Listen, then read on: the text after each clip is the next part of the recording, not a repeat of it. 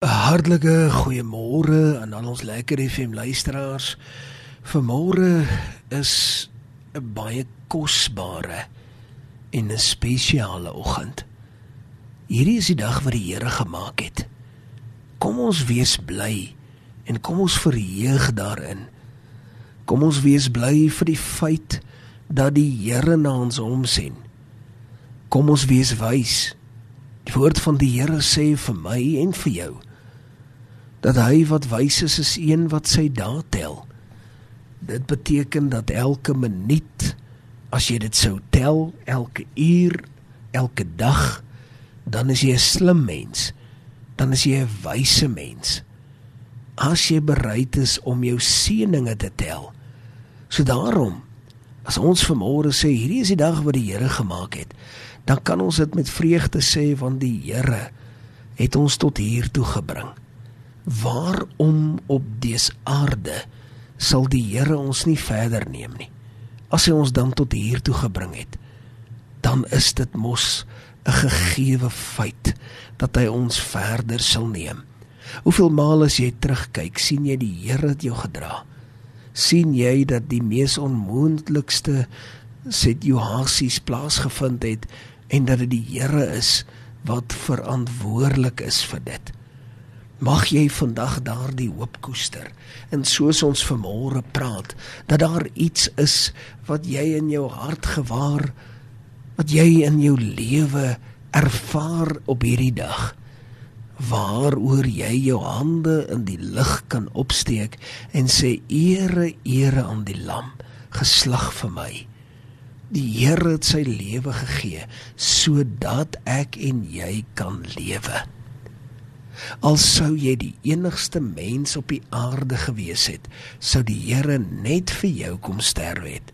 Dit is hoe lief die Here ons het. Wat 'n voorreg en groot eer. Gisteroggend het ons so bietjie geraak raak en bietjie gesels hier vanuit die boek van Titus en het ons kosbare idees met mekaar geruil en is dit altyd vir my nogal taamlik lekker om 'n boek te vat en daaruit nogal te gaan al die die hoofkenmerke te gaan haal. Ek is 'n student van die Bybel. Ek lees nie net meer die Bybel nie. Die Bybel is vir my iets wat ek studeer. Dis vir my iets wat vir my kosbaar is. Iets wat ek nie kan wag om te lees nie. En wanneer 'n mens dan nou die gedagte of die kerngedagte kry, dan is dit nogal taamlik vir jou baie treffend. Het ons gister juis gepraat oor 'n paar dinge wat nogal baie belangrik is en wat vir my nogal 'n groot gedagte is. En as 'n mens net so vinnige samevatting kan vat, dit is dat dat wanneer 'n mens kyk na immoraliteit, wanneer 'n mens kyk na na mense wat veronderstel is om die saak reg te doen. Nou praat ons nie hier van dat dat 'n mens nou moet betrokke wees by heigelary nie. Hier praat ek nou nie van dat jy nou iemand anderste nou, jy weet dat iemand anders perfek moet wees terwyl ons nie perfek is nie. Ons praat hier van 'n saak wat die evangelie skade bring. En ek is seker jy het dit al gesien van tevore dat daar oomblikke kom wat jy duidelik kan sien hier word skade gemaak aan die evangelie. En dit kom al reeds hier in Titus na vore. Wat nou nog die dag waarin ek en jy lewe? Ek sien dit amper op 'n daaglikse basis waar ek sien dat daar letterlik skade gemaak word deur hulle wat nie werklik is en eg is nie. Iemand wat eg is en besig is om die saak van die Here te bevorder, so 'n persoon sal jy sommer net kan raak sien.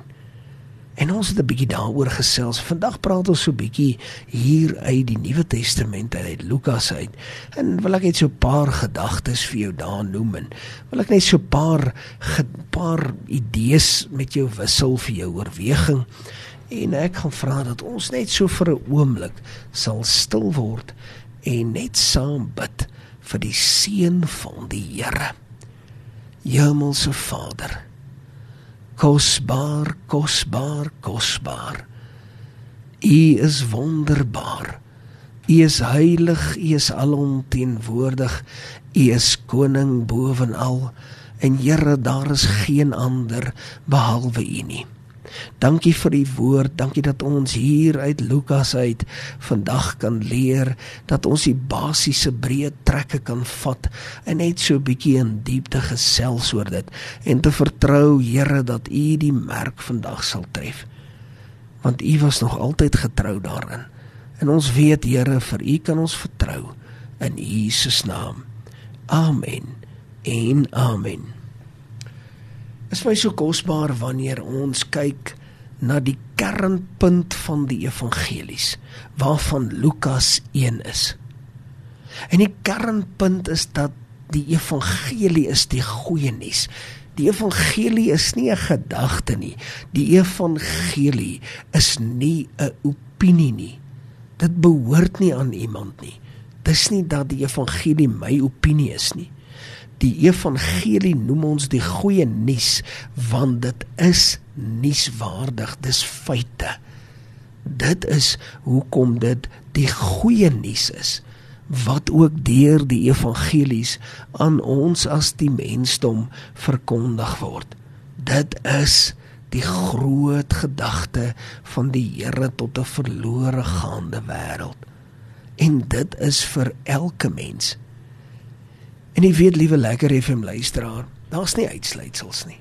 Jy weet baie maal dan kan ons onsself nie help nie.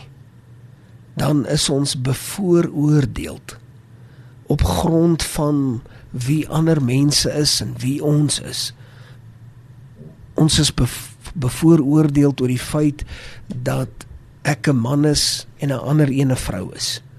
Ons is bevooroordeel dat ons Afrikaans is en ander nie Afrikaans is nie. Ons is bevooroordeel. Ons is bevooroordeel vanweë die feit dat die een rooi uh, hare het en die ander een bruin hare het.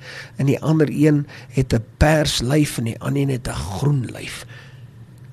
In ander woorde die velkleur, dit is eintlik 'n groot groot hartseer en word stikkend geslaan deur die evangelie wat vir elke lewende siel daar is.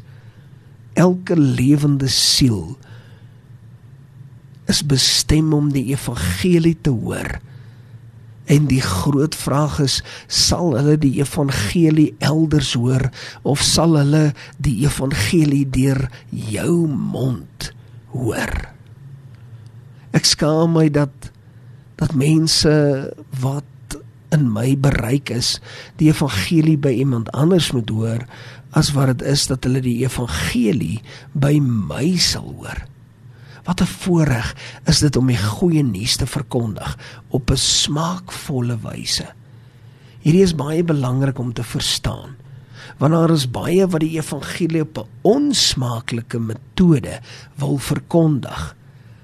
Baie mense wil die evangelie vanuit 'n plek van waar jy amper beskuldigings rondswaai en oordeel wil vel. Baie wil die evangelie so verkondig. Dit is nie die wyse waarop 'n mens die evangelie effektief kan verkondig nie.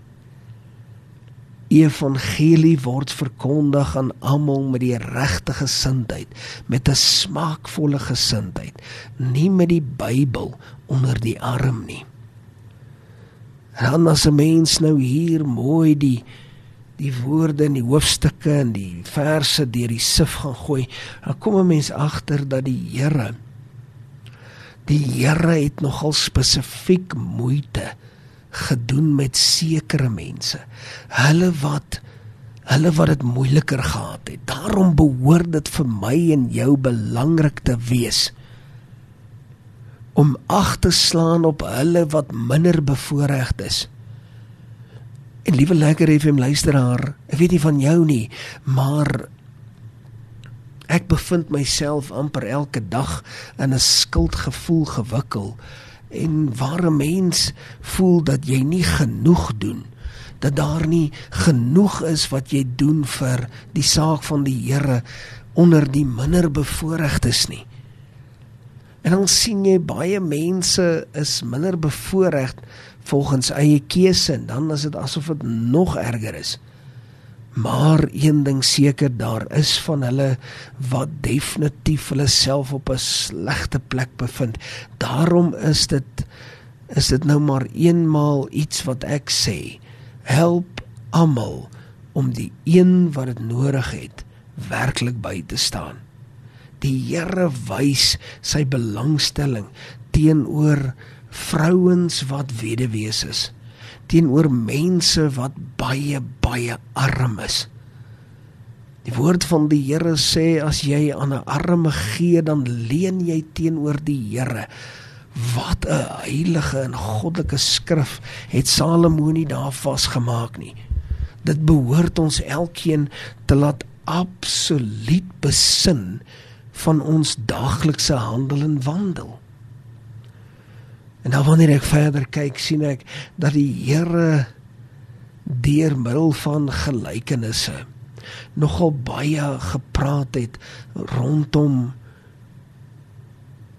om jouself reg te maak, om te bely, om op jou knieë neer te sak en om verskoning te vra en te rekonsilieer met die God van jou heil, met die koning van alle konings baie van die gelykenisse bevat dit as die hoofbestanddeel.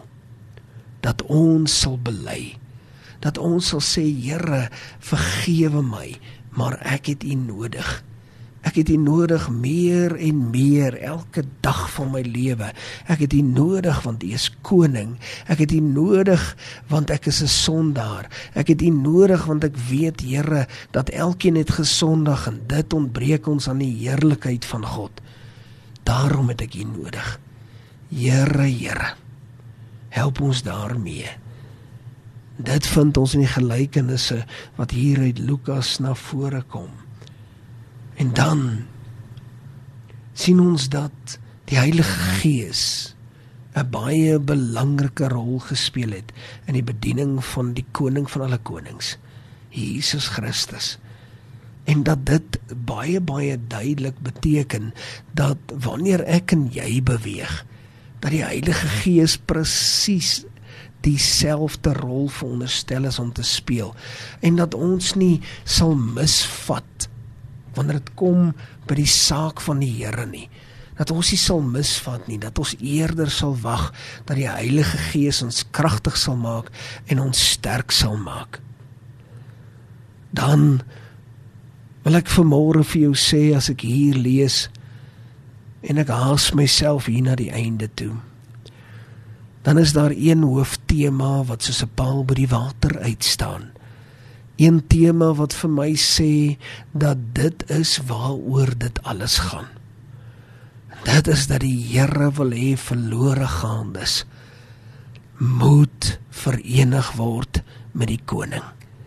Die Here wil graag hê dat verlorenes tot redding sal kom dat die wêreld tot inkeer sal kom, dat ons hande vir niks verkeerd sal staan om die saak van die Here konstant in die midde van ander mense te bring en seker te maak dat hulle 'n geleentheid gegee word om hulle saak met U reg te maak, Here. Dit is wat ons verantwoordelikheid is. Mag ons vandag daardie verantwoordelikheid ernstig opneem. Mag ons stil staan en met 'n geestelike oor luister na dit wat U regtig wil hê ons moet doen. Tot sover die woord van die Here. Kom ons sit net so. Dan sluit ons die oë, dan bid ons saam. Hemelse Vader, dankie vir U woord. Dankie dat U woord ons weer eens in ons gees kom stig het dat u woord ons in ons harte kom aanraak het. Seën u woord. Here dankie dat ons hierdie dinge nie kan of hoef te bid op die gronde van verdienste nie maar uit genade en genade alleen. In Jesus naam. Amen en amen